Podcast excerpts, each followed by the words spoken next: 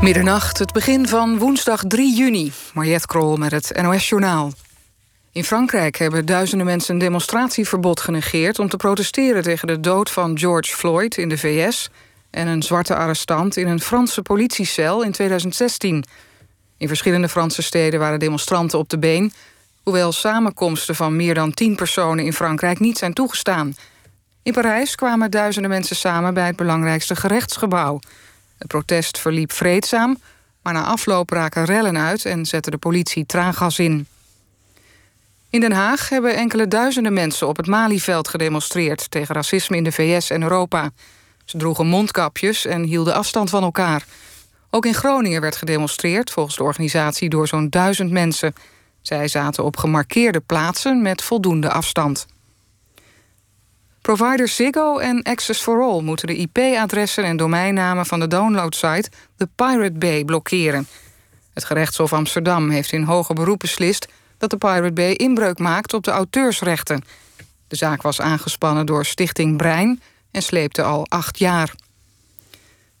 Een motoragent van de eenheid Midden-Nederland wordt verdacht van het lekken van gevoelige informatie naar criminelen. Er is bewijs dat hij daarvoor is betaald. Orm K. zou hebben geweten van lopende onderzoeken. Hij genoot veel vertrouwen van collega's. Bij de eenheid Noord-Nederland is een agent aangehouden voor witwassen en drugsbezit. Hij zou hebben gehandeld in drugs. En de Nationale Ombudsman is een onderzoek begonnen naar drinkwaterproblemen op Sint Eustatius. Bewoners hebben daar soms urenlang geen water door storingen. Het probleem speelt al sinds 2015. En volgens de ombudsman kan de regeringscommissaris niet goed uitleggen wat er aan de hand is en wanneer er een oplossing komt. Het weer. Vannacht daalt de temperatuur tot ongeveer 12 graden. De komende dag zon, maar ook bewolking. In het oosten kans op een enkele bui met onweer. Het wordt 18 tot 26 graden. Dit was het NOS Journaal. NPO Radio 1. VPRO. Nooit meer slapen.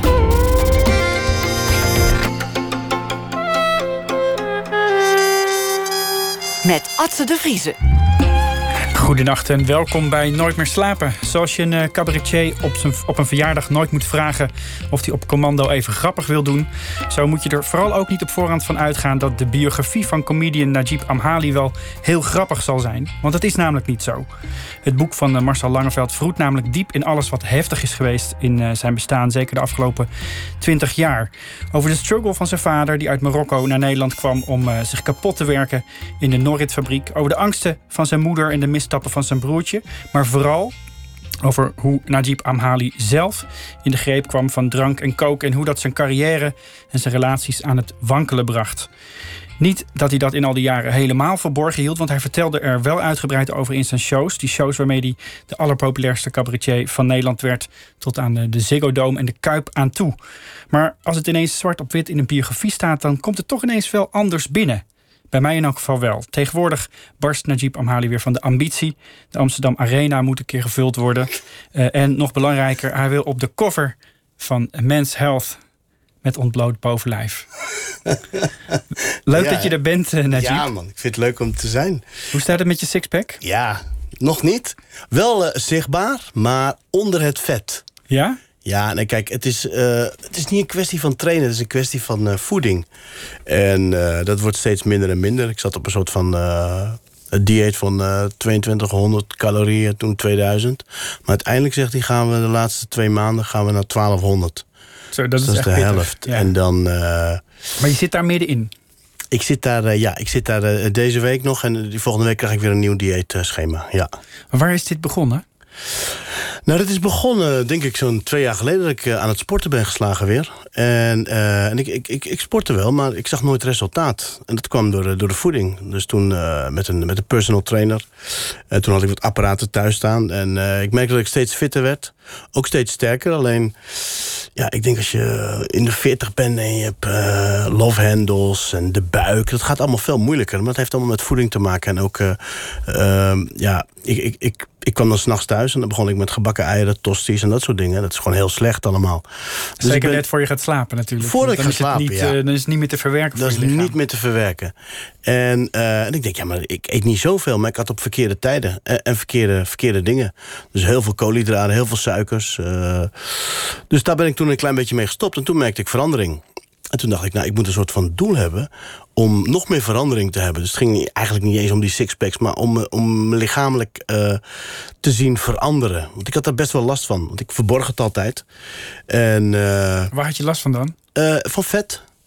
Van vet bij mijn buik. En als je op een podium staat, zie je dat niet. Dan kan ik mijn buik inhouden. Maar de laatste twee shows zit ik op een stoel. En dan, eh, dan zie ik die bobbel meekijken. Ja, en dat begon me te irriteren. Want ik moest steeds ja, shirtjes aantrekken. XL, want L zat dan te strak. En eh, toen denk ik, ja, weet je, als, als het zo irritant is... waarom doe je daar niet iets aan? Dus toen eh, dacht ik, ik ga mijn doel stellen, weet je wel, dat ik een doel heb. Een soort einddoel. Dat ik ook denk van, oké, niet over zes jaar... maar over, over zes maanden, dan, dan is die buik weg. Maar is er ooit een tijd geweest dat je het lichaam van een god had? Dat je echt gewoon... nooit. dat je, Nee, nooit. Ik heb nooit het lichaam van een god gehad. Eh, het was altijd het, eh, het lichaam van de broer. De broer van God. Zijn dikke broer. Nee, maar ik was altijd vatsig. Ik ben, ik ben een beetje, ja, vatsig. Een beetje shabby, een beetje... Maar ik, kon het altijd, ik heb het altijd verborgen. maar je vond het wel oké, zeg maar. Je was gewoon helemaal zo. Ja, ik denk, nou, dit, dit, ja, dit hoort bij mij. Maar op een gegeven moment ja, gaan mensen er toch opmerkingen over maken. En eh, vooral als je op een podium staat. En joh, wat was je dik? Of, of dan gaan ze eraan voelen, weet je wel. En dan had ik op een gegeven moment... Dan gaan ze aan je buik voelen ja, van... Hey, eh, eh, goh, je zo, ja, zit, ja, zit ja. lekker in je vel. eh. Ja, en vooral op vakanties waar je dan nog meer gaat eten en nog meer tijd hebt.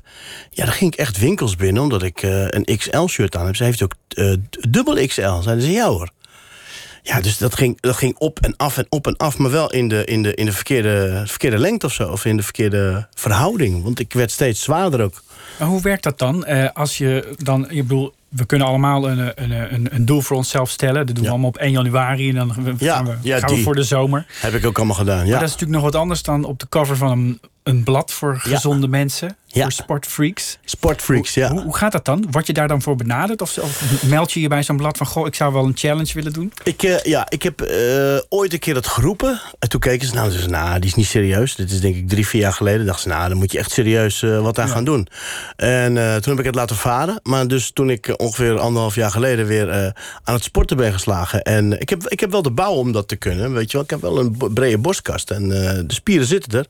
Alleen met begeleiding, eh, je begeleiding nodig hierin. En ik heb bijvoorbeeld Giel Belen ooit gesproken. En die zei van, ja, het gaat om voeding, jongen. Op een gegeven moment had ik helemaal niks meer. En dan komen die spieren vanzelf naar buiten toe. En ehm, Die heeft dat ook gedaan. Hè? En Die heeft het ook gedaan. Jeo van de, van de jeugd van tegenwoordig. die Jeugd van tegenwoordig, het heel serieus opgepakt. ja, ja, En die stond natuurlijk ook bekend als eh, het, het wilde leven, het nachtleven. eh, Ja. Helemaal niet serieus. nee, totaal niet. Nee, daar had ik natuurlijk ook eh, heel veel last van. En, eh, maar op een gegeven moment ga je een omschakeling maken. Maar ook in je hoofd over het gezond, gez- ja, toch gezonder leven. En eh, ja, het enige wat ik nu nog denk een probleem mee heb, is, is het roken. Ik ben ooit naar een... ik heb ooit één poging gedaan met de stop, stoptober, weet je wel. Dat deed ik ook weer mee. Ja, dat heeft na drie dagen geduurd. En de laatste keer ben ik naar een, een hyp- hypnotiseur geweest. Die eh, zegt dat je dan eh, ja, stopt met roken. Als je eenmaal bij hem bent geweest. Kost 500 euro. Dat is En, niet gelukt. Nee, want ik zat in die stoel en dan gaat hij. Ja, ik, ik, ik sowieso hypnose, ik weet het niet. Ik, ik, ik moest het echt ondergaan dat ik denk van, ik, ik geloof daar niet in. Ik, ik viel wel weg, want hij praat tegen je, je moet je ogen dicht doen en eh, aan dingen denken. En op een gegeven moment hoorde ik mezelf ook af en toe snurken, dus ik viel wel weg. En toen, eh, en toen eh, zegt hij, als ik in mijn vingers knip, dan, eh, dan ben je geen roker meer. Je bent een niet-roker en zo ga je door het leven. En toen zei hij, 500 euro. toen zei ik voor de grap, voor wat? Nou ja, voor, ik zei, maar ik heb nooit gerookt. dus ik maakte die grap. Ja, ik kon er niet om lachen. Maar eh, twee dagen later ging ik weer roken. Dus ja. Dat is iets. Ik, kijk, ik ben natuurlijk gestopt nu met drank en met drugs en met gokken. Dat zijn toch ook allemaal eh, verslavingen. Dan denk ik van nou, dat zijn ook heftige verslavingen. Dus dat roken, dat. eh, ik ben light gaan roken, alsof dat helpt. Maar voor mezelf, En ook minder light. Of, ja, minder. Ja, ja. maar heb, heb je dat nodig van die challenges? Gewoon echt van die, van die concrete doelen, liefst zo publiek mogelijk. Hè? Wat, je, wat je zegt eigenlijk in dat boek: van ik wil, Ja. ik wil op die cover staan. Dus Ja. eigenlijk, als je dat uitspreekt, dan Ja. weet je al dat dat komt ook in de bladen te staan. Ja, Of- ja, absoluut. Die pakken het allemaal op. Dat is, het is wel een soort van stok achter de deur. Want ik zei, ja, wat als, eh, als, als het niet lukt? Hij zegt, dan zetten we de foto's eh, erin die we voor hebben geplaatst. En dat is dan eh, de foto's van 102 kilo. Waar ik in een hele lelijke onderbroek sta. Die gaan ze dus plaatsen. En dat wil ik niet. Nee. En de bedoeling is dat die door de shredder gaan. Wa- Wat dat? Die door de, door de papierversnipper Ja, ja, ja, en dat je dan de foto's ziet van... Nee, nee, dan vind ik het wel leuk. Ze moeten er naast elkaar Ze moeten ernaast, dat je het resultaat kan zien. En eh, ja, het, het is een doel. Maar het, het, het, het, het grootste doel was toch eh, om gezond, eh, een gezonde levensstijl op te pakken. Ja. Is, het- is het ook wat dat betreft een, een soort bewuste poging om een nieuwe verslaving te kweken? Dat, dat die gezondheidsdrift? Ja, ik, weet, ik moet er nog steeds aan wennen als ik heel eerlijk ben. Ik vind, ik vind het hele dieetgebeuren vind ik nog steeds moeilijk. Ik vind het nog steeds moeilijk. Dus er slipt nog steeds dingen doorheen. En dan heb ik het niet eens over zoetigheid of wat dan ook. Maar toch een extra stuk kip. Of, eh, eh, snap je? Of een banaan waar ik geen banaan mag hebben omdat ik me te flauw voel. Dus dat, dat is wat er doorheen slipt. Kinderen laten iets lekkers op het bord liggen. Ja, maar dat is ook zo, weet je wel. Mijn vrouw zei van, oké, dan halen we niks in huis. Maar dat gaat gewoon automatisch. En vooral nu in die coronatijd, weet je wel. Het, ja, je doet een kast open en je ziet daar eh, ontbijtkoek. Dat staat ook niet op mijn dieet. Weet je, ik denk, nou, ontbijtkoek kan toch wel, dat is toch gezond. Of een sultana, of een, dat soort dingen. Het ziet er allemaal heel gezond uit. Het staat er ook op dat het heel gezond is. Het klinkt ook allemaal vrij onschuldig vergeleken met alles wat je omschrijft. Of wat omschreven Ja, wordt in oh het ja. boek over je natuurlijk. Want het gaat over alles wat je niet kunt laten liggen. En waarvan je denkt van nou, god, Juist. god één grammetje. Dat, Ja, en dat, Dat kan wel. Dat, dat, dat is gevecht heb ik dus in mijn hoofd. Ik denk, ja, maar wacht even. Weet je, een liter wodka is veel gevaarlijker dan jus de een rans. sultana. Ja, ja, of een sultana. Maar als je het echt heel serieus wil pakken, en nogmaals, dan eh, is het een heel streng eh, dieet. Echt bijna eh, ja, op, de, op de gram af. Het is een van de beloftes die je doet in dat, in dat boek. Ja, Een, een biografie over je. Ja. en ik las het boek en ik dacht, ja, dit is eigenlijk geen biografie over jouw carrière. Het is eigenlijk een, een boek over je verslaving geworden. oké. Het is Ja. niet een boek over een, een loopbaan Mm. waar oh ja, ook nog een verslaving tussendoor kwam. Nee, Ja. het is eigenlijk een, een, een boek geworden over een alles verwoestende verslaving die eigenlijk die hele carrière eigenlijk een beetje in de schaduw zet. Heb je dat zelf zo ervaren? Ik heb het wel ervaren als het zijn niet... eh, Najib- hier is een boek met met alle highlights. Maar Nee. dat wist ik ook van tevoren, want dat zou... Ja, dan ga je, je gaat ervoor zitten natuurlijk. Ja, ja. Dus eh, ik heb er natuurlijk heel veel last van ondervonden. En het heeft mijn carrière, ja, zeg maar, in de zin geschaad dat het. eh, zeg maar, voor die verslaving had ik heel veel doelen, nog meer doelen. En eh, die heb ik niet allemaal gehaald doordat ik. eh, Wat ja, bijvoorbeeld? nou, ik zou in, in, in het Engels heel graag willen, willen doorbreken. En dat heb ik nooit gedurfd. En daar kwam die verslaving bij kijken. En toen werd ik een soort van paranoia als ik het moest gaan doen. Dan zat ik gewoon met zwetende handen zat ik naar een, eh, een line-up te kijken... waar ze Engels, Engels comedians eh, de kans gaven... of Nederlandse comedians in het Engels gaven. En dan haakte ik elke keer af. Of de comedy trainer, het gezelschap waar ik ooit ben begonnen... gaat elk jaar naar Edinburgh. En dan proberen gewoon heel veel comedians eh, in het Engels te doen. En er zijn comedians, ik wil niet zeggen goed of slecht... maar er zijn comedians die hebben vier grappen. Maar die vertalen ze gewoon in het Engels. En die hebben daar een soort van succes mee. En ik heb dat... eh, Het klinkt eigenlijk makkelijk. Maar Het- dat ja, is het ongetwijfeld niet. het is het absoluut niet, maar het is gewoon in een andere taal. Ik heb het bijvoorbeeld wel in het Berbers gedaan afgelopen eh, januari. Dat is ook mijn, dat is mijn moedertaal, Berbers. Je hebt Berbers en Arabisch. En daar heb ik ook heel lang tegen aangehikt... totdat een comedian me Maar meenam. in Marokko of nee, in Denemarken. In Denemarken. Ik heb het hier in Nederland gedaan. Eh er was een eh, Marokkaans festival en er waren dus Marokkaan. Maar zodra ik een woord niet wist, ging ik over op het Nederlands. Want die Marokkaanse Nederlands verstaan mij. Maar daar in Denemarken verstaan ze natuurlijk geen Nederlands.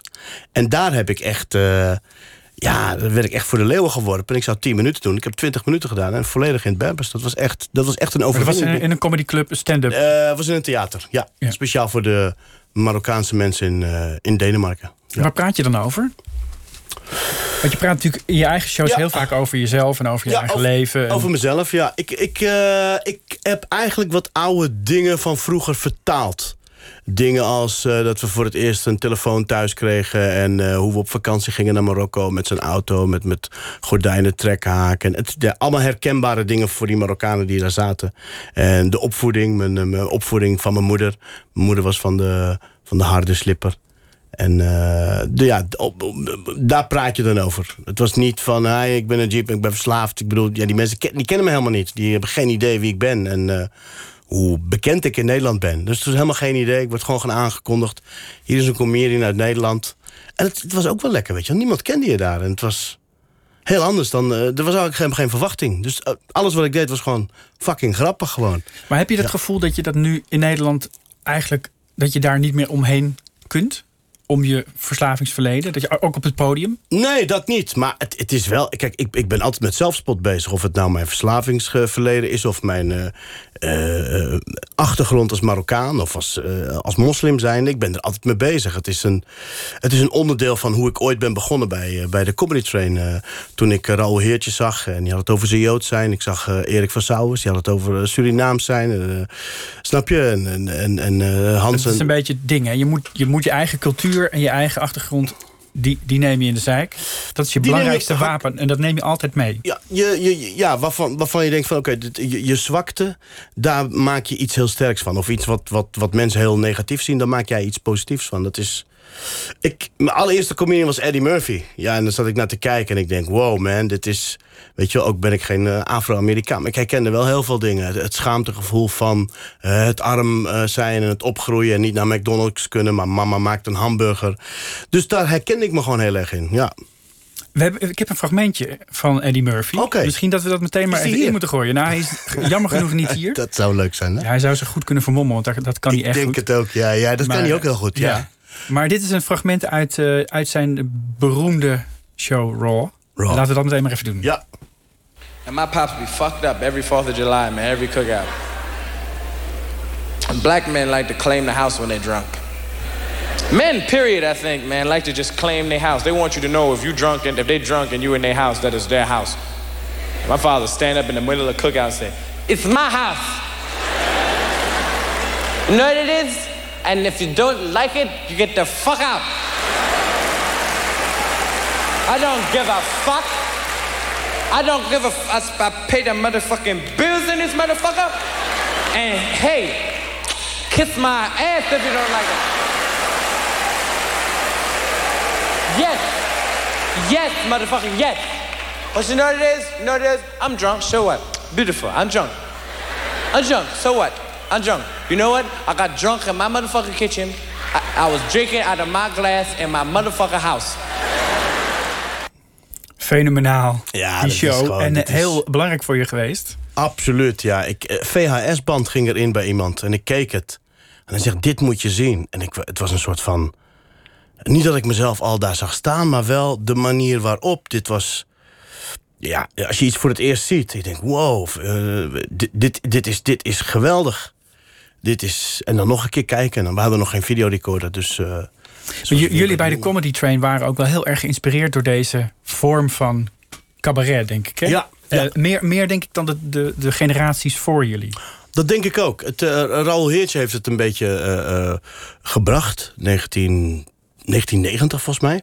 Begon hij met een aantal mensen daarmee. En ook geïnspireerd op Amerikaanse en Engelse comedians. Ik kende ze nog niet in 1990, denk ik.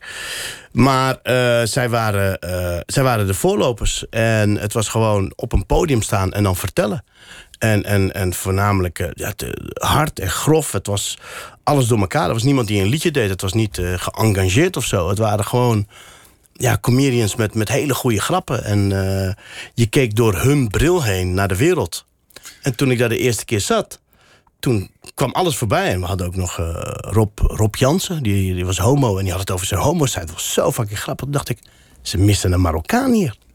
Dus dat was mijn reden om. Ik zat daar met Jeffrey Spalberg, een goede vriend Je van. ging echt gewoon in dat vakje zitten, wat, wat, wat eigenlijk nog open was. Ik denk, er is nog een vakje open. Het stond eigenlijk letterlijk. Wij zoeken nog. Nee, maar het was. Ik denk, daar kan ik heel mooi inspringen. Het was niet de bedoeling dat ik dat uh, uh, uh, zou doen en denken van, nou, dat gaat, dit, wordt, dit wordt geweldig. Maar ik dacht wel, dit kan ik ook. Wat jullie doen met jullie zelfspot, die heb ik ook. Je moet natuurlijk wel zelfspot hebben. Er zijn natuurlijk mensen die geen zelfspot hebben. Maar ik had dat ook, die zelfspot. Wij maakten al grappen, ik en Jeffrey Spalberg. Wij waren een soort van duo, Brothers of Showbiz. En dan deden we vaak presentatieklussen. En wij rapten, wij deden beatbox en wij rapten al voordat de Nederlandstalige rap... Je had alleen Osdorp Possie. En verder was er helemaal niks. En wij deden dan grappige raps. En wij vulden, zeg maar, uh, als er een band niet uh, op tijd klaar was... dan zei de organisatie, kun je het even opvullen? En dan gingen we gewoon praten. Hij was Surinamer, ik was Marokkaan. Hij was ook nog een Surinamer uit Enschede. Dus die praatte heel tijd zo, hij kon plat praten en zo. Ja, en zo maakten wij de mensen aan het lachen. En ik was aan het improviseren. Want er was er bijvoorbeeld bij een festival was er een kind... Uh, stond vooraan, die zoekt zijn moeder. Nou, dan tilde ik dat kind op. Ik zei, dames en heren, hij zoekt zijn moeder. En snel, want hij stinkt. Dus zo, weet je, kon ik heel goed improviseren. En dat ging me heel goed af. Dus dat improviseren en dat met zelfspot... Nou, die, die combinatie was gewoon... eh, Maar dat snelle, dat, dat heet Eddie Murphy natuurlijk ook. En het Ja. fragment wat je net hoort is waanzinnig geestig. In Ja. elke zin moet je drie keer lachen om hem. Ja. En tegelijkertijd is het natuurlijk een waanzinnig serieus verhaal dat hij vertelt over zijn vader die dronk. Ja. En hoe die zich dan ja, eigenlijk gedroeg, misdroeg, ja. Ja, ongepast dominant gedroeg als Ja. de baas in huis. Ja, Eh, dat, ben je ook steeds meer en meer gaan doen in de loop der jaren. Echt over je eigen ja, gezinssituatie vertellen. Over de, eh, over de, de situatie waarin je Ja. zelf eh, zat. Speelt ook een heel belangrijke rol in dit boek. ja, Eh, jouw, jouw vader had ook een drankprobleem. ja. Niet zo'n beetje ook. Waarom vond je het belangrijk om dat zo prominent in dit boek te vertellen? Ik heb dit ooit, denk ik, in een magazine verteld. Want ik, ik vertelde dat nooit. Ik heb dat nooit. ik heb dat nooit eigenlijk naar buiten gebracht... dat mijn vader een drankprobleem had. Nou, je vertelde heel veel over, Ja, in het boek. over maar je daarvoor, familie. eh, Ja. Op het podium ook, maar Ja. niet dat. Nee, nee, dat was nog een taboe voor mij. Eh, dat heb ik ooit een keer in een blad gedaan, Jan. Jan Magazine. En toen kreeg ik volgens mij vier, vijf andere eh, reacties van lezers. Ook met een eh immigrantachtergrond. Zei, Ja, ik herken mij, ik ben een Turkse jongen en eh, mijn vader dronk ook. Toen dacht ik, oh zie je. Want het, het was een taboe om te vertellen dat jouw vader dronk als eerste. Ja, je, je, je komt uit een eh, moslim-Marokkaanse gemeenschap. Daar drink je niet. Dat is gewoon verboden. Sowieso gewoon- niet, nee. Sowieso niet. Laat staan dat je dat naar buiten brengt. Kijk, dat weet je broer en dat weet je oom.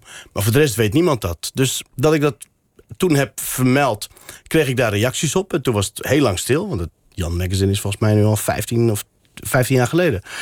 En ja, in het boek, eh, ik heb natuurlijk in, die tijd dat ik in, die klinieken zit, eh, ga je toch onderzoeken waar komt het vandaan. Het heeft, het heeft toch iets, eh, hoe zeg je dat?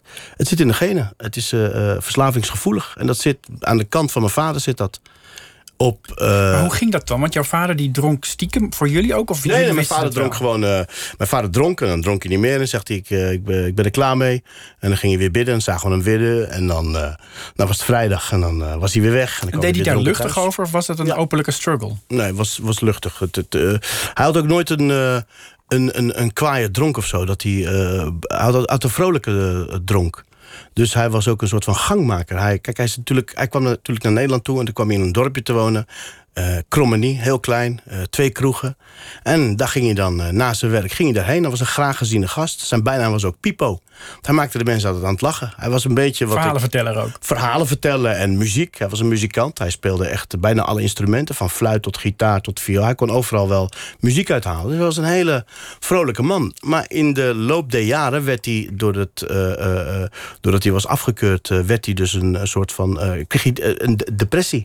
Wist ik ook nooit. Wij wisten nooit thuis van papa Er was is iets met hem, depressief. maar Er was iets met hem, dus hij begon steeds meer te gebruiken. Omdat hij depressief was. En ik herken eh, Eddie Murphy, eh, want eh, er hebben heel veel mensen bij ons gewoond. Ooms van mij, die, die dan vanuit Marokko illegaal kwamen, bij ons woonden. Vanuit daar werkten, trouwden, een verblijfsvergunning kregen. Dat zijn er denk ik in de loop der tijd... we- Ik en mijn moeder hebben het toevallig van de week hebben we het oplopen tellen. de een naar de ander. De een naar de andere, een stuk of acht. Dus Ja. twee broers van mijn moeder, drie broers van mijn vader... en dan nog wat losse neven en nichten. Dus mijn vader was, het was het ook een keer zat. Want die broers die zaten daar maar. En als ze niet werkten, ja, dan plunderden ze wel de, de koelkast. En hij had een luchtbux. Dus op een, op een nacht, weet ik nog, deed hij de deur zo open. Deed hij het licht aan en zijn broer lag eh, in bed en ik ook. En toen richtte hij, hij zegt... En morgen moeten jullie allemaal weg uit het huis, want ik schiet jullie dood. Maar ik moest lachen, want ik wist, het is een luchtbux. Maar hun wisten dat niet. En die zaten, nee, Mimoen, alsjeblieft niet doen. Morgen gaan we weg, morgen gaan we weg. Dat is dus... ik, ja, dat is herkenbaar, dat eh, van Eddie Murphy. Dat zegt, it's my house en ik drink waar ik wil en dit is mijn leven. Ja. Wat, wa- hoe, hoe was jouw band dan met hem? Ja, mijn vader, ja. Mijn vader was er, maar was er ook weer niet. Het, ja, het was een. Hoe moet ik dat zeggen? Een band. Hij was altijd, als, als er feest was, was hij vrolijk. Maar daarna deed hij eigenlijk zijn eigen ding. Hij was heel veel weg. Hij was heel veel weg. Hij was ook eh, iemand die. eh, eh, ja, voor anderen was hij er altijd. Dus hij was ook een soort. ja, voor andere mensen was hij er. En eigenlijk voor, Maar hij had een groot gezin, want jullie waren met vier kinderen. ja, ja. Maar mijn moeder was gewoon de man in huis. Mijn moeder bepaalde, mijn moeder deed de boodschappen, mijn moeder deed het behangen, mijn moeder deed alles. Mijn vader, ja, die. Ja, ook de opvoeding liet hij aan mijn moeder over. Ik heb ook nog nooit zeg maar, een klap gehad van mijn vader of dat hij boos was. Ik kan me één- ja, keer voorstellen dat hij boos was, maar daarna. Ja, hij liet het een beetje aan mijn moeder. Hij schudde zijn hoofd zo. En eh, ja, dat was het een beetje. Dus een beetje lang leven de lol eigenlijk. Dus als je het omschrijft in het boek, ging het eigenlijk mis op het moment dat hij eigenlijk niet meer kon functioneren in zijn werk. Hij Ja. werd afgekeurd. Hij werd Hij werkte in de afgekeurd. fabriek, maar Ja. dat kon niet meer. En Nee. da- daar komt een depressie bij kijken. Maar, Ja. maar ik neem aan dat dat natuurlijk ook een sociaal verval met zich meebrengt. Je, je hebt gewoon.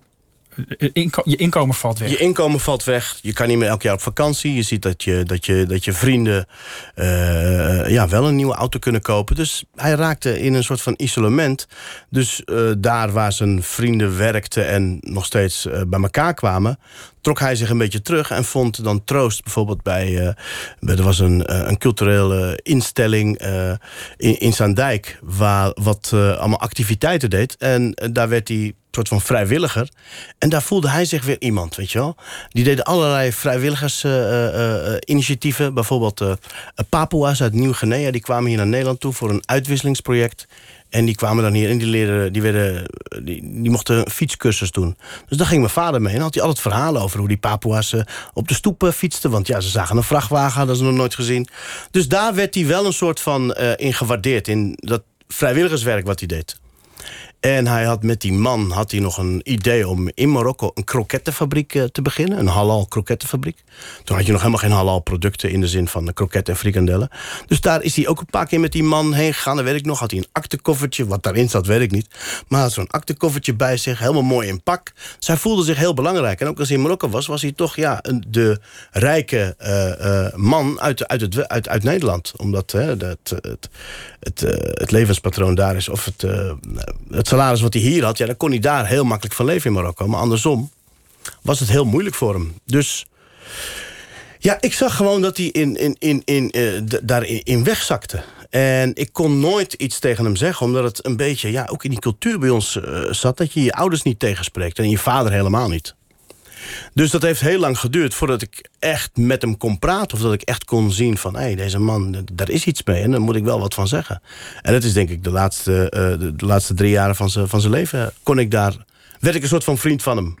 Kon Ja? ik met hem praten, ja. Ja? Voelde je dat als. Want je, je, bent ook streng tegen hem geweest. Ja, nou dat was de laatste drie jaar. Ja, toen, kijk, ik, ik, ik weet nog dat ik... bijvoorbeeld mijn vader rookte ook eh, stuf, heette dat, stuf. En dat moest ik halen. Maar als klein kind wist ik nooit wat het was. Toen gaf hij me een tientje en dan moest ik naar de overkant van de flat. Daar woonde een oude hippie, Hatjo. En die gaf je dan een tientje en dan moest ik zeggen... 10 gulden materiaal. Nou, die ging dat afwegen. Geen idee wat het was. Maar het rook altijd zo vreemd. Totdat ik 15, 16 was, mijn eerste jointje rookte. Toen wist ik wel wat het was. En toen ging ik naar zijn zak als hij s'avonds sliep. En toen pikte ik een stukje hash. Dus daar was hij een paar keer boos over. Had hij me mee betrapt. En met sigaretten zegt hij, geef hier, dat moet je niet doen. Maar later zei hij, heb je sigaretten voor mij? Snap je? Dus toen was ik een jaar of eh, ja, 21.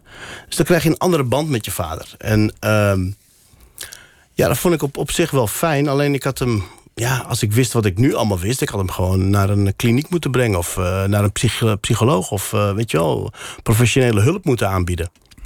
Maar ja, dat is... eh, Want hij is uiteindelijk niet veel ouder dan 50 geworden. Jij was, 53, jij ja. was 20. Ja. En ehm, dan is het, dan, dan is het on, on- onkeerbaar. ja, En tegelijkertijd, als ik, je hebt het. Je, je vindt het zo belangrijk om dit te vertellen dat je eigenlijk dit verhaal eerder vertelt dan je eigen verhaal ja. in je boek. De, Ja. de eerste 80 bladzijden van het boek Ja, gaat het? gaan, gaan eigenlijk Ik heb het voornamelijk boek maar één keer gelezen. Dus ik ben- niet alleen, niet alleen over, over je vader, maar ook over je moeder, over de angsten waarmee zij leefde. Dat ze op, ze je vertelt dat ze op een gegeven moment angst heeft voor een knuffeltijger die ergens in een kamer Ja. ligt, die natuurlijk niet echt is, maar waarvoor Nee. zij een paar uur lang zich opsluit in haar kamer in de angst dat het een, toch een echte blijkt te zijn. Ja, Je broertje die eh, de verkeerde kant op gaat. ja, Eh, jij moet toch ook. Je, hebt, je omschrijft, eh, je, ja, je, je pakt de stuf uit je vaders eh, ja. zak. Tegelijkertijd zul je ook het idee willen hebben dat je het anders zou- willen doen dan hij het heeft Ja. gedaan. Ik was altijd bang om eh, te worden zoals hij was. Maar uiteindelijk, eh, als je ergens bang voor bent... je zegt, dit wil ik nooit, dan gebeurt het altijd. Dat je denkt, ik wil nooit zo worden als, als hij was. Maar ik, ja, ik, ik merkte dat ik gewoon in de loop der jaren... en dan krijg je dan besef van... dat je denkt, hé, hey, luister man, ik ben precies hetzelfde als hem. Maar wat dat betreft kan ik me ook voorstellen dat je tegen jezelf zegt: ik ben anders. Want je bent. Je functioneert. Je Ja, hebt succes. Je staat in zalen. Mensen zijn fan van je. Je Ja. hebt geld. ja, Eh, je kunt het je veroorloven. ja. Dat lijkt me een hele makkelijke manier om tegen jezelf te zeggen: Ik heb het onder controle. Dat, ja, maar dat heb ik ook heel vaak tegen mezelf gezegd. Want dat is dat ding van, eh, weet je, ik heb geen probleem. Want ja, weet je wel, ik, eh, een junk ziet er, eh, die heeft rotte tanden... en die moet stelen om zijn drugs te kopen, weet je wel. Dus ik zag me nooit zelf als een, als een junk of een probleem. Maar de laatste twee jaren, dus dat het echt dagelijks was... ook drank en drugs, ja, toen zag ik echt... dat ik denk van, maar dit is helemaal geen leven, man. Dit is gewoon... Ik ben nog erger geworden als mijn vader. Kijk, mijn vader, die... Weet je, die verdiende niet wat ik verdiende. Of die had niet de roem die ik had. Of eh, de kansen die ik had. Mijn vader had... eh, ja, die moest voorzichtig doen. Die was ook ziek, weet je wel. Met een kunstklep. Had een kunstklep. Dus ik denk, ik heb al die kansen gehad. En nog... ehm, eh, kijk, hij was natuurlijk ook een voorbeeld van hoe het niet moest. Maar juist, ja, ik, ik werd eigenlijk wat ik niet wilde worden. Als je terugkijkt, wanneer was je de controle kwijt? Ik denk de laatste, kijk, het is nu twee jaar, eh, twee, ik ben bijna twee jaar clean. Dus ik denk eh, dat ik eh, gestopte twee jaar geleden. En dan drie jaar, de afgelopen vijf jaar. Ging het echt mis? Ja, ja. Maar als je kijkt terug naar, die, naar, naar shows uit, show uit 2012 bijvoorbeeld. Ja. Daar, daar, daar vertel je al over allerlei Ja. problemen in je relatie. Ja. En, eh, weet je wel, Ja, dat begon, ja, over depressie eigenlijk. ja. Dus daar zit je eigenlijk al midden in die shit. En daar vertel je ook over. Je vertelt ook openlijk op het podium over drugsgebruik. Ja. Maar ja, dat doe je dan natuurlijk op zo'n manier dat het ook weer een grap wordt natuurlijk. Juist. Dus het, En dat het achter je ligt. Ja. Dat was de bedoeling. Dat ik denk, weet je, nu kan ik het vertellen. Want ja, dat ligt achter me. Het lag niet achter me. Ik zat er nog in. Elke dag, elke show? Niet, nee, nee, niet elke show. Nee, niet elke show. Nee, dat was wel wekelijks. Maar ik zeg, het, het werd op een gegeven moment dagelijks. En dan heb ik het echt over dagelijks. Dat ik gewoon... Ja, dagelijks niet, want je bent tussen eh, vijf dagen ben je dus eh, van de wereld met, met drank en drugs. En daarna heb je gewoon twee dagen nodig om Helemaal weer eh, ja, tot jezelf te, te slapen. En dan voel je zo verrot en denk je, ik stop ermee. Maar zodra je weer even goed voelt, dan om een uur of vier denk je... ja, jezus, ik voel me nou toch weer goed, kan best wel. En dan ging ik weer. En het was een patroon, dat heeft echt drie jaar lang zo geduurd. En dan eh, ging ik weer naar een kliniek toe en dan was ik daar, eh, was ik daar een maand. En dan ging ik eruit en dan was ik... eh, het langste was vier maanden, vier, vijf maanden, helemaal clean. En heel langzaam. Ja, ik kan toch wel een drankje doen? Zie je, ik kan een drankje doen. En dan sloop het er weer helemaal zo in. Dat patroon, dat ging, het was altijd hetzelfde. Deed je, het om je, deed je het om je goed te voelen of deed je het juist Ja. als je je goed voelde? Nee, dat was het probleem. Dat zei mijn psychiater ook. Hij zegt, je hebt, je hebt gewoon een probleem. Want je doet het als je het goed voelt, maar ook als je kut voelt. Allebei. Allebei. Dus, snap je? Hij zegt, dus is Maar zit natuurlijk bij, eh, bij eh, het doen omdat je, omdat je je goed voelt en je nog beter wil voelen. Hè? Om de euforie nog uit te vergroten. Daar zit natuurlijk een enorme romantiek omheen in, die, in die cultuurwereld. Ja. In de rock'n'roll. Ja, de rock'n'roll, ja. ja. En ik kan me ook voorstellen dat mensen denken van... joh, zo iemand als eh, Najib Amhali, Ja. die, die kan het heel goed hebben. Want die, die, die, die is hyper op het podium. Ja. Die praat snel. Dat is, Ja. dat is eigenlijk een soort kooktop gedrag. Op een bepaalde manier. Ja. Had je het gevoel dat het je hielp? Ja, als ik erover na ga denken, het- je denkt dat je het. eh, Kijk, ik, ik zat er. eh, Ik kwam in de knel ermee, want ik deed het dus eh, eh, vaak eh, eh, na afloop. Na afloop. Ik heb het één keer volgens mij daarvoor gedaan, maar toen was ik echt een, eh, twee dagen helemaal doorgedraaid. Toen kwam ik op en toen dacht ik. Voor een show. En dat is geen goed idee. Nee, dat is geen goed idee. Maar dan ga je veel te snel. En dan zit je de hele tijd, oh, straks zien ze wat. Of eh, merken, merken mensen wat. En eh, ja, dan ga je. Maar gelijk daarna. En eh, ik, ik maakte dingen altijd vaak thuis. Dus als ik thuis was, dan dacht ik van... oké, nu ben ik heel creatief. Dan zag ik iets en dan begon ik te schrijven. En dan begon ik ook te gebruiken. Maar daarna begon ik, werd ik afgeleid. Ik oh nee, dit onderwerp. Dus ik maakte niks af. Dus in principe hielp het mij niet. Het zorgde alleen maar dat ik eh, dacht dat het stress onderdrukt. En dat drukt natuurlijk even de stress, want je voelt je even eh, euforisch en dat soort dingen. Maar je hebt zoveel nodig dat je de hele nacht eh, euforisch bent. Totdat je de volgende ochtend kapot bent en je na, gewoon weer naar de show moet. En die doe je dan op een gegeven moment op een soort van ja, automatisch piloot, omdat die show die stond al. Maar om een nieuwe show te maken, ja, dan raakte ik in paniek. Want ik denk, ja, ik moet een nieuwe show maken. En ik voelde die druk al. En, en toen had ik één keer een show gedaan. Dat was de eerste try-out. En er was toen iemand ja, van de krant en die schreef ja, heel slecht. En hij keek op zijn blaadje. Ja, en dat maakt je alleen maar onzeker. En dan kwam ik in theater en zei ze, ja, die, die recensie. Ik was geen recensie. Ik Dat was gewoon iemand van de krant die zat daar. Die heeft het op Facebook. Het is een eigen leven gaan leiden. Het heeft zelfs het NOS-journaal, heeft, oh, nee, eh, het teletext. Want er werd gezegd, eh Najib eh, eh, werd uitgefloten en mensen liepen weg uit de show. Maar dat was helemaal niet gebeurd. De mensen, ik zeg altijd tegen die mensen na een eerste try-out... zeg ik, hey, eh, wat vond u ervan? En dan krijg je, nou, ik vond het nog niet goed. Het is de eerste try-out, hè? Nee, natuurlijk Mhm. is het nog niet goed. Maar dat werd opgepikt als eh, ja, een hele slechte show. Ja, dat, dat gaat ook niet in je koude kleren zitten. Hoe werkt dat? Want als je, als, jij, als je een show van jou ziet, dan lijkt het net alsof je gewoon vanuit de coulissen op bent gelopen en begint te lullen. Dat Ja. is natuurlijk niet zo. Nee. Maar dat is wel eh, je kracht, hè? Dat dat losse. Dat je, Dat hele losse, ja. dat, je, dat je echt het gevoel hebt dat je aan de keukentafel, wat je letterlijk op het Ja. podium bij je laatste, een van je laatste Ja. shows ook doet. En je zit aan de keukentafel, je vertelt over wat er in je omgaat en wat er de laatste jaren met je gebeurd is. Ja. Dat, repeteer je tot op de zin? Nee, dat, eh, dat aan die keukentafel, dat was eh, eh, bij Titus, de, de regisseur. Dan zit ik daar en dan heb ik wel wat onderwerpen. En dan gaat hij praten, maar de laatste keer had ik helemaal niks. Toen zei hij, nou, dan moeten we daarover gaan vertellen. Over jou, eh, ja, wat, er gebeurt. Hè, toen was eh, de vorige show, mijn moeder die kreeg kanker. Hij zegt, dan gaan we daarover vertellen. Zij begon zo te tikken. Ik denk, ja, maar daar ga ik toch niet over vertellen, man. Dat is toch veel te... En of je verslaving. We gaan er gewoon over. Dus die keukentafel symboliseerde echt... zo maak ik een show qua onderwerpen. Dan neem ik het mee. Dan heb ik een uur, eh, een uur eh, materiaal. En er zit er nog geen grap in. Dan ga ik het doen. En dan hoor ik waar de grappen zitten of waar de grappen niet zitten. En dan eh, eigenlijk weer terug naar Titus. En eh, ja, ik kan nooit naar mezelf kijken, dus, maar hij heeft het dan opgenomen. En dan heeft hij weer eh, wat zijlijnen erbij geschreven. Maar bij mij is het ja, 30, 40 try-outs. Elke keer weer opnieuw. En elke dag neem ik wat mee of ontstaat er iets in de zaal. Maar wat 30, ik 40 gewoon- try-outs die ook voor publiek zijn. Ja, ja, ja, altijd. Ja, ja. Ja. En Want dat dan, heb je nodig, de publiek. Je moet die respons horen, dan Ja. weet je of het goed valt. ja, ik kan niet. Dat kan eh, ook stilte zijn, maar in elk geval moet het iets van iets doen. Er moet, ja. En, en die stiltes waren voor mij heel moeilijk, omdat ik kom uit het stand-up gedeelte. Ja, als je een stilte laat vallen en na twee minuten nog geen grap vertelt... beginnen de mensen te praten, gaan ze een drankje bestellen, ben je ze kwijt. Ja. Maar die stilte in het theater kun je nemen... omdat je een soort van met een spanningsboog werkt. En daar komt een regisseur bij kijken. Die zegt, nee, maar is goed, zet het verhaal daar maar neer. En dan ben ik toch nog geneigd om daar een grap te maken. En dan komt hij weer terug, komt hij weer kijken. Zeg, ja, maar dan moet je die doen. Dan haalt hij het weer weg. En dan is hij weg en dan doe ik het toch weer. En, dan hebben we een show. En dan duurt die show niet anderhalf uur... maar dan duurt de show twee uur en een kwartier. En dan hoor ik dat de regisseur weer komt. En dan zeg ik tegen die jongens... Dit, dit en dit moet eruit, dan zegt zeg, hij ik- dan. dit zeg ik tegen de jongens. We doen weer wat de regisseur komt kijken. Want anders gaat hij weer zeggen... ja, het duurt te lang. En, eh, maar het is ja, het smeren, het, het, het, het, het spelen, het, eh, het soms uitmelken van dingen. Ja, dat vind ik het leukste wat er is. En er gebeurt er iets in de zaal. Ja, en als ik dat kan reproduceren... neem ik dat gewoon mee in de volgende zaal... alsof het daar gebeurt. Of je zegt, roept iets. En de mensen moeten dan iets roepen, maar dat roepen ze niet. Maar je zegt gewoon, Delft. Ja, nee, dat wilde ik net vertellen. Niemand heeft Delft Delft, geroepen Delft geroepen. Je zit in Groningen. je zit in Groningen, maar je gaat gewoon.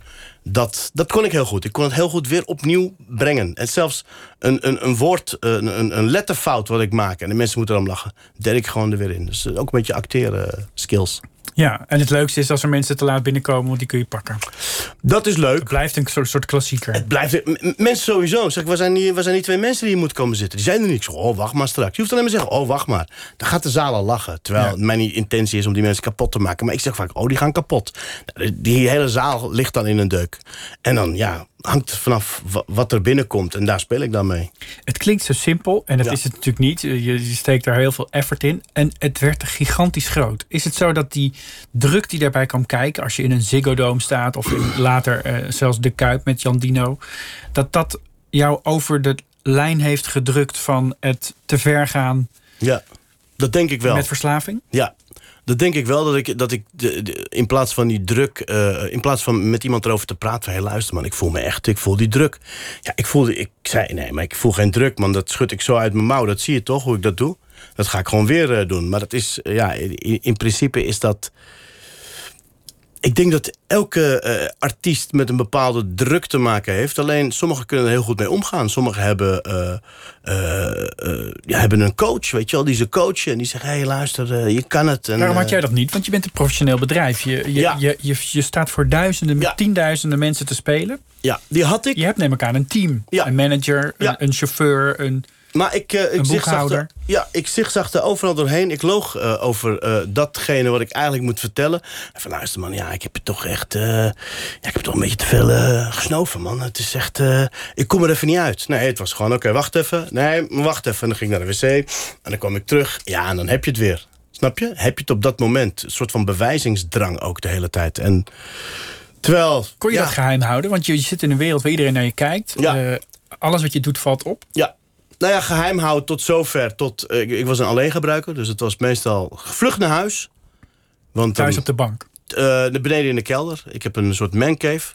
Mijn vrouw heeft een eh, baan waar ze s s'morgens vroeg al... ze is kapster. Dus je loopt langs elkaar heen. Ja, zij sliep dan. En dan was het heel stil in huis. En dan kon ik mijn gang gaan eigenlijk, ja.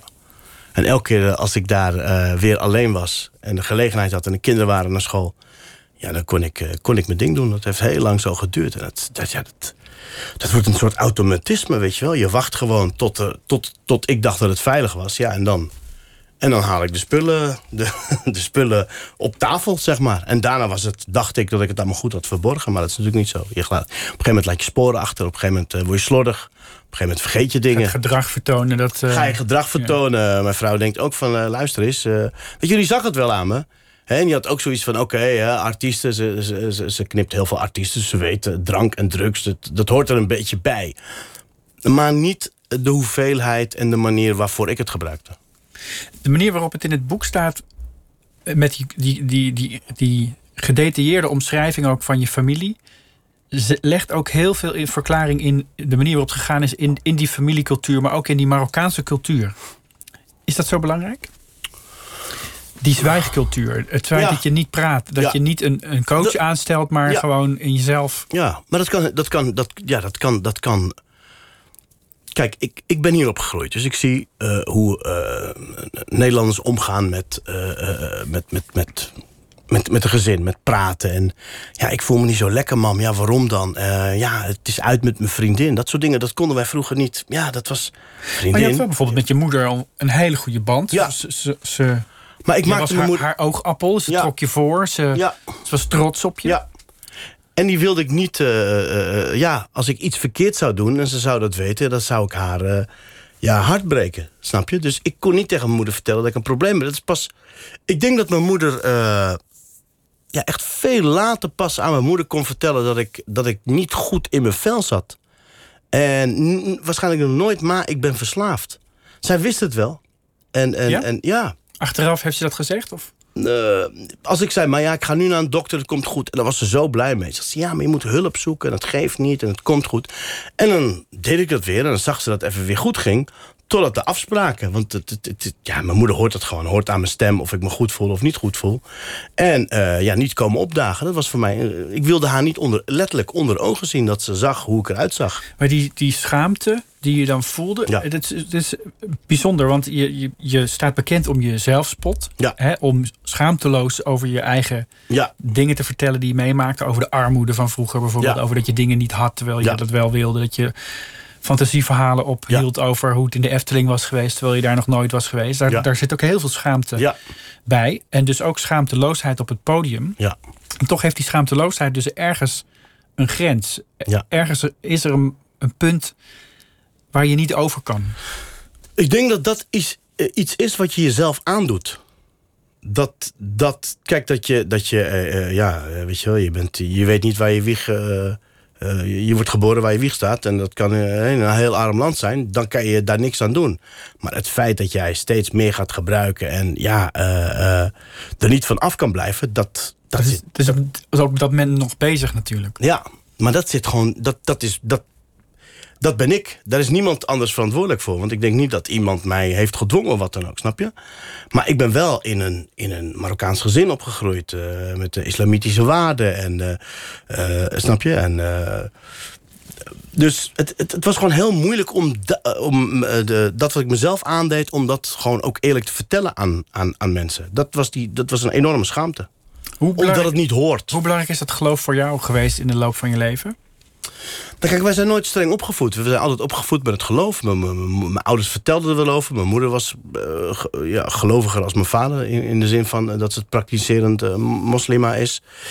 En ja, zij geloofde altijd dat, dat het goed kwam. Weet je wel? Dat je in God moest geloven, in Allah. En dan komt het goed en hij helpt je. En dan geloofde ik ook wel in dat, dat hij er is. Maar af en toe denk je van, hé luister man, en nu? Weet je wel, ik heb je nu echt nodig. En... dus dat geloof heeft... het- Kijk, het is een houvast. En ik vind, ik vind het iets moois, hè, geloof, als mensen geloven. Maar ik vind het ook iets heel persoonlijks. Maar is het voor jou meer iets geweest waar je behoefte aan had als het niet zo goed met je ging. En Juist. niet zo als je op je top van je Ja. kunnen zat. Ja, want als het heel goed ging, dan, ja, dan, was je, eh, ja, dan, dan dacht je er niet aan. Maar als het heel slecht ging, dat is vaak met mensen. Hè, als ze in een vliegtuig zitten en, en het dreigt neer te stotten, dan gaan ze God aanroepen.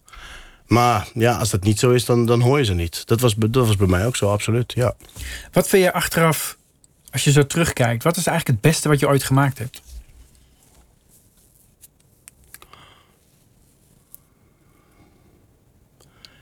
beste wat ik heb. Ja, ik denk de laatste show die ik nu speel. Ja, want daar ben ik vrij van, eh, eh, eh, vrij van het schuldgevoel. vrij van het gelieg dat ik nu zeg van... ik, ik, ik, ben, ik, ben, ik ben clean, maar ik ben het niet. Of dat ik denk van ja, maar ik vertel dit nu, maar het is helemaal niet zo. Dus daar ben ik... ja, ik denk misschien dat het beste nog moet komen... maar dit is wel het beste waarvan ik denk van... ik ben nu echt... ik, ik heb niks, niks te verbergen of zo.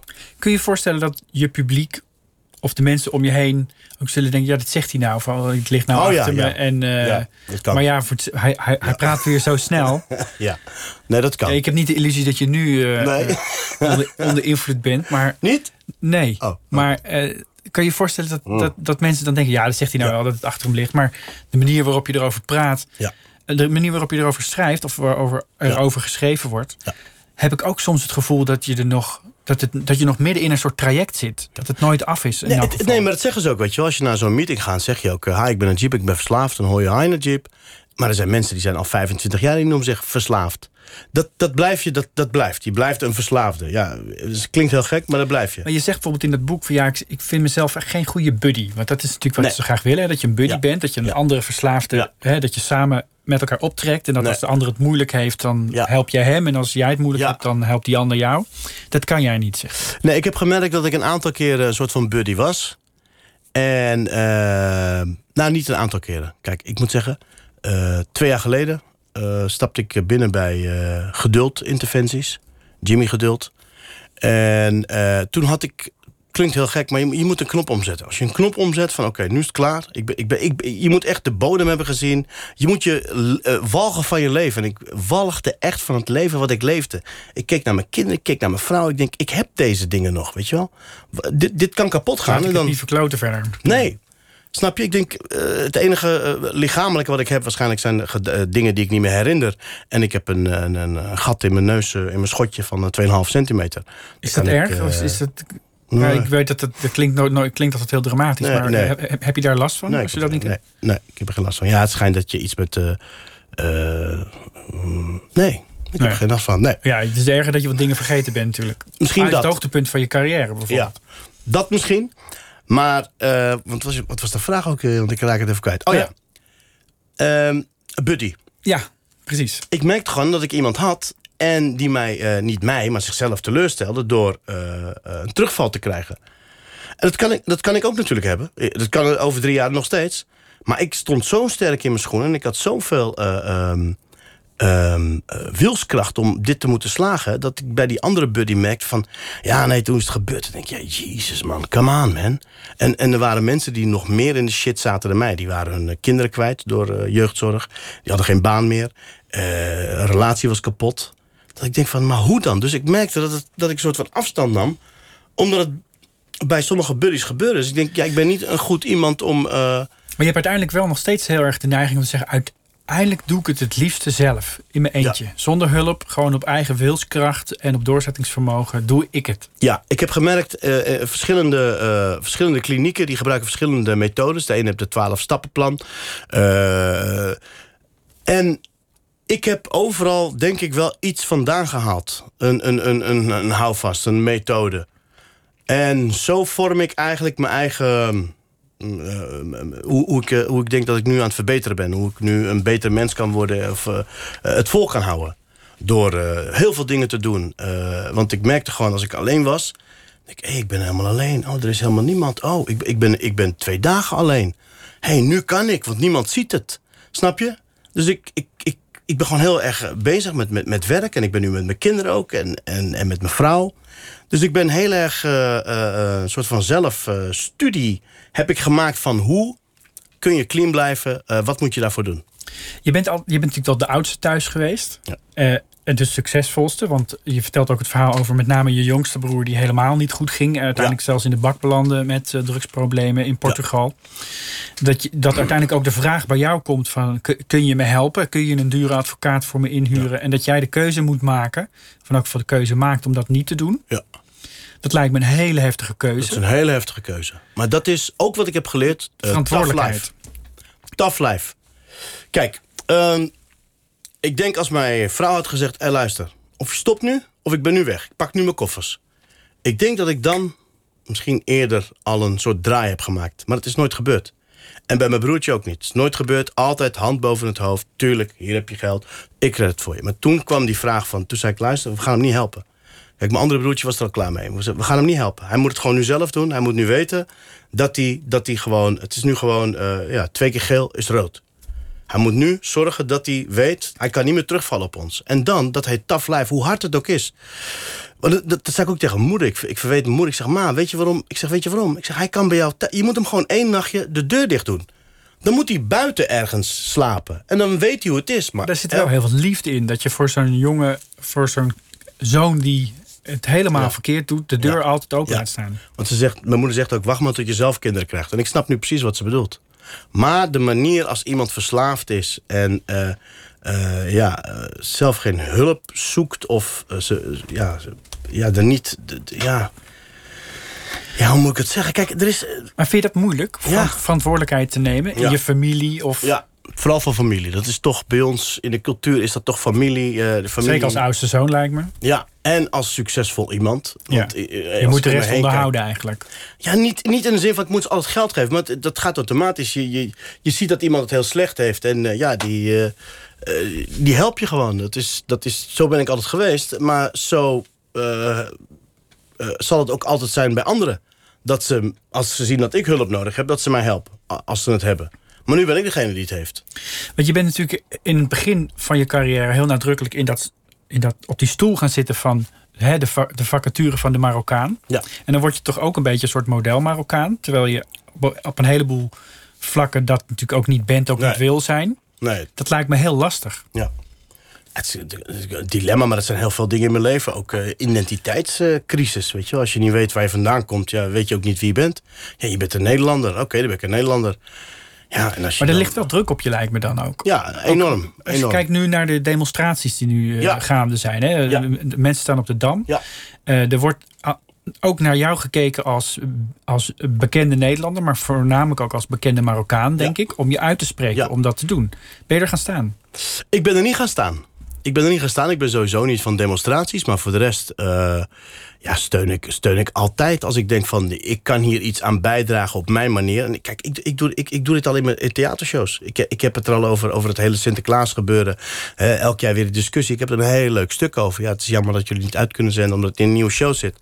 Maar dan raak ik echt de, de, de- ik denk ja kijk ik zeg ook het is tuurlijk moet je uitspreken maar sommigen doen dat niet. Sommigen doen dat niet die, blijven eh, maar ik spreek me uit op mijn manier. En eh, mijn manier was niet demonstreren. En ik vind het ja geweldig wat die mensen doen. Alleen nu in deze coronatijd komt het zo over dat iedereen op een kluitje gaat staan. Terwijl we allemaal die anderhalve meter eh, eh, eh, moeten aanhouden. Dus je krijgt heel veel commentaar van mensen. Maar wat eigenlijk om gaat is de, de diep, diep gewortelde angst voor elkaar. En dan hebben we het nu even over Amerika, voor de, voor de zwarte man.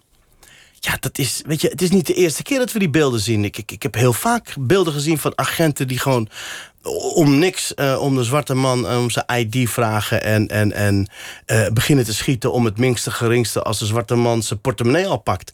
Kijk, en ga je die situatie in Nederland trekken. Ik heb ook Marokkaanse vrienden die gewoon een goede baan hebben, die een mooie auto rijden en die continu worden aangehouden. En het gaat niet zo ver dat er geweld wordt gebruikt. Ze Maar wel in die- de nek krijgen. Ja, maar wel die continue vernedering elke keer. En zegt ze, Najib, heb jij er geen last van? Ik zeg, nee. Wat, mij, wat bij mij is, omdat ze mij kennen... ze gaan natuurlijk ook achter mijn auto aan... eh, de, oh, dat is klopt. niet natuurlijk. Dat klopt. Die, nee, eh, die, die- toet- toet- toet ze in en dan zien ze Amhali, want het staat geregistreerd. Dan komen ze naast me rijden en dan zie ik ze zwaaien. ja. Dat is mijn ding, omdat ik bekend ben. Maar was ik niet bekend, ja, dan was ik ook langs de weg gezet. En hele goede avond. En we doen even een eh, heel vriendelijk altijd. Ja, je weet je, het, het enige wat je kunt doen is... Als, als mensen vriendelijk zijn, natuurlijk gewoon vriendelijk blijven. Ik bedoel... Maar ik kan me die frustratie voorstellen. En dan is, is Amerika natuurlijk een ander verhaal. Dat je daar gewoon al voor het minste geringste ja, een nekklem krijgt, dood wordt geschoten. Ja. Het, is, het is wel bijzonder dat nu zo'n incident als dit zo explodeert. Ja. Daar is natuurlijk van alles aan vooraf gegaan. Ja. En er is natuurlijk een, eh, in die coronacrisis een enorme druk op die Afro-Amerikaanse gemeenschap gekomen. Absoluut. Waardoor dat, maar, maar Werkloosheid. dat dat ook in Europa nu zo eh, overgenomen wordt, is wel interessant, vind ik. Ik ook. Alleen ik denk dat wij hier toch... Ja, weet je wel, ik, ik zeg altijd, we zijn hier toch een soort van... Die dingen die we in Amerika zien, die, he- die hebben we hier ook maar op een, ja, op een ander level. Als ik heel eerlijk ben. Weet je wel, eh, tuurlijk. eh, twee jaar geleden was dat met die Arubaanse eh, jongen die een nekklem kreeg. Ja. Vreselijk. En, kijk, het wordt nu gefilmd. Het is niet het, zoals eh, ehm, ehm, eh, Will Smith zei... het racisme wordt niet erger, het racisme wordt nu gefilmd. Kijk, en nu zien wij dus gewoon van, van bepaalde kanten wat er gebeurt. Wat er, wat er kan gebeuren. En dat maakt mensen gewoon boos. Omdat natuurlijk, natuurlijk is er racisme in Nederland. Ik bedoel, eh, eh, kijk, als je Ahmed heet... kom je minder vaak aan een baan als dat je Jan Willem heet. Dat is gewoon een, ding. Alleen hoe we ermee om moeten gaan hier... is toch de dialoog steeds blijven volgen. De dialoog voeren en, eh, en openstaan voor de dialoog. Denk ik. Denk je dat dit vervolg gaat krijgen? Dat we hier dat we nu echt een periode ingaan waarin voortdurend dit soort demonstraties zullen en acties zullen zijn. En, en zoals we dat met die Zwarte Piet discussie ook hebben gehad, maar dan op een fundamenteler niveau? Ehm, ja, ik denk het wel. Maar ik hoop nog steeds dat het gewoon blijft op een eh, manier. Kijk, eh, op de Dam. eh, er is natuurlijk niks voorgevallen in de zin van eh, vechtpartijen, plunderingen, wat dan ook. Er zijn mensen daarheen gekomen. eh, zwart en wit eh, zag je daar staan. En de corona ja, gooit een beetje roet in het eten, als ik dat zo mag zeggen. Maar het, het, het, het, het, moet, het moet op deze manier gaan. Het moet op deze manier gaan, want Gandhi zei... er is geen, geen weg naar vrede, maar vrede is de weg. Weet je wel, dat soort dingen. En ik denk in die dialoog blijven, eh, met elkaar praten... en luisteren naar mekaars eh, argumenten, want dat is het. Weet je, als iemand zich beledigd voelt en dan niet zegt... ja, maar dit is cultuur, dat is onze cultuur, dat is een Hollandse cultuur. Zwarte Piet hoort er gewoon bij. Ja, maar als we even, even gaan kijken, weet je wel, kinderen die, die, die, die, die zwart zijn, die worden eh, gepest op school. Van, hey, Pietje, hey Pietje, waar, waar, zijn met pepernoten. Snap je, dat, dat kan heel erg kwetsend zijn. Maar als je zelf niet zwart bent, ja, heb, je dat, heb je dat gevoel niet zo. Dat is niet, snap je, als je wit bent, ja, dan, dan kom je er niet tegen. Dan word je dan niet eh, op, op, op, op, eh, dan voel je je niet beledigd of wat dan ook. En dat is, dat is wat ik denk van dat je eh, nog steeds die dialoog moet voeren op een, eh, op een, op een Hollandse manier. En Nederlanders zijn van praten. Dat, dat, dat is mooi. Gewoon blijven praten. Nou heeft die corona-crisis natuurlijk alles overhoop gegooid en ook jouw agenda. Hm.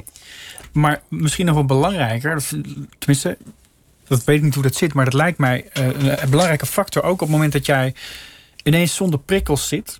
Je, je, je, hebt al, je probeert ergens vanaf te komen. Je, je Ja. bent twee jaar clean. En dan zit je in één keer in een totaal prikkelloze bestaan. Zoals we dat allemaal zitten. Je Ja. zit thuis, je, zit, je hebt niet de adrenaline van het podium. Nee. Je bent niet de hele tijd onderweg. Wat voor impact heeft dat op jouw situatie, jouw herstel?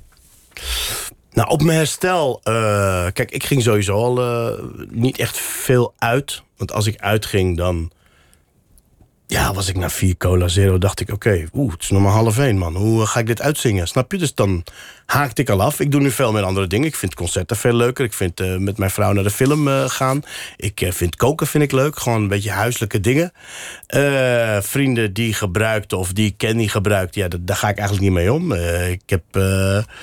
eh, ik heb eigenlijk heel veel te doen om eh, ja, mijn leven gewoon veel mooier te maken zonder drugs. Het leven is veel mooier bij mij zonder drugs. Ik bedoel, ik kan niet voor iedereen spreken. Ik, zie mensen die zeggen, ja luister, de- met een pilletje op een festival ga ik helemaal los. Ik kan me dat heel goed voorstellen, maar ja, ik kan nu gewoon vrolijk zijn zonder, eh, zonder bepaalde middelen. En, en ik hou heel veel geld eraan over. Want ik gokte er ook bij. gewoon... Snap je? Ik kan nu, eh, ja, ik kan nu een hele luxe vakantie eh, veroorloven. En dan eh, vind ik het heerlijk dat ik gewoon bij mijn gezin ben. Want ik weet, als straks die drukte weer komt... ben ik gewoon zes maanden, ben ik gewoon eh, vier dagen in de week ben ik gewoon weg. Dus echt, eh, geniet ik. Geniet echt van mijn leven nu. Het is, ja, ik weet, het is niet een wereld die voor me open is gegaan... maar twee werelden of zo, weet je wel. En alle clichés zijn waar gewoon. Ik, ik voel me lekkerder, ik, ja, frisser en... ik, slaap goed. Ik, ik, ik sta s morgens op zonder kater. Ik sta gewoon om half zeven sta ik naast mijn bed... als die kleinen weer ruzie aan het maken zijn met z'n tweeën. Dat is echt geen probleem. Ik geniet echt, echt van het leven. Het staat allemaal in het boek. Het staat allemaal in het heet boek trouwens, ja. Marcel Langeveld heeft het geschreven. Lange Dijk volgens Lange mij. Dijk- Lange Dijk? Heet die Lange Dijk? Ja, volgens mij Marcel Lange Dijk, dacht ik. Goed. Het ligt in elk geval in de winkels. Yes. Dankjewel dat je hier was. Is het klaar Najib? Amhali, het is klaar, zeker. Dijk is het inderdaad. Morgen bij Pieter eh, van der Wielen is eh, kunstenaar Michael Radekker te gast. Dit was hem voor nu. Goedenacht. Ciao.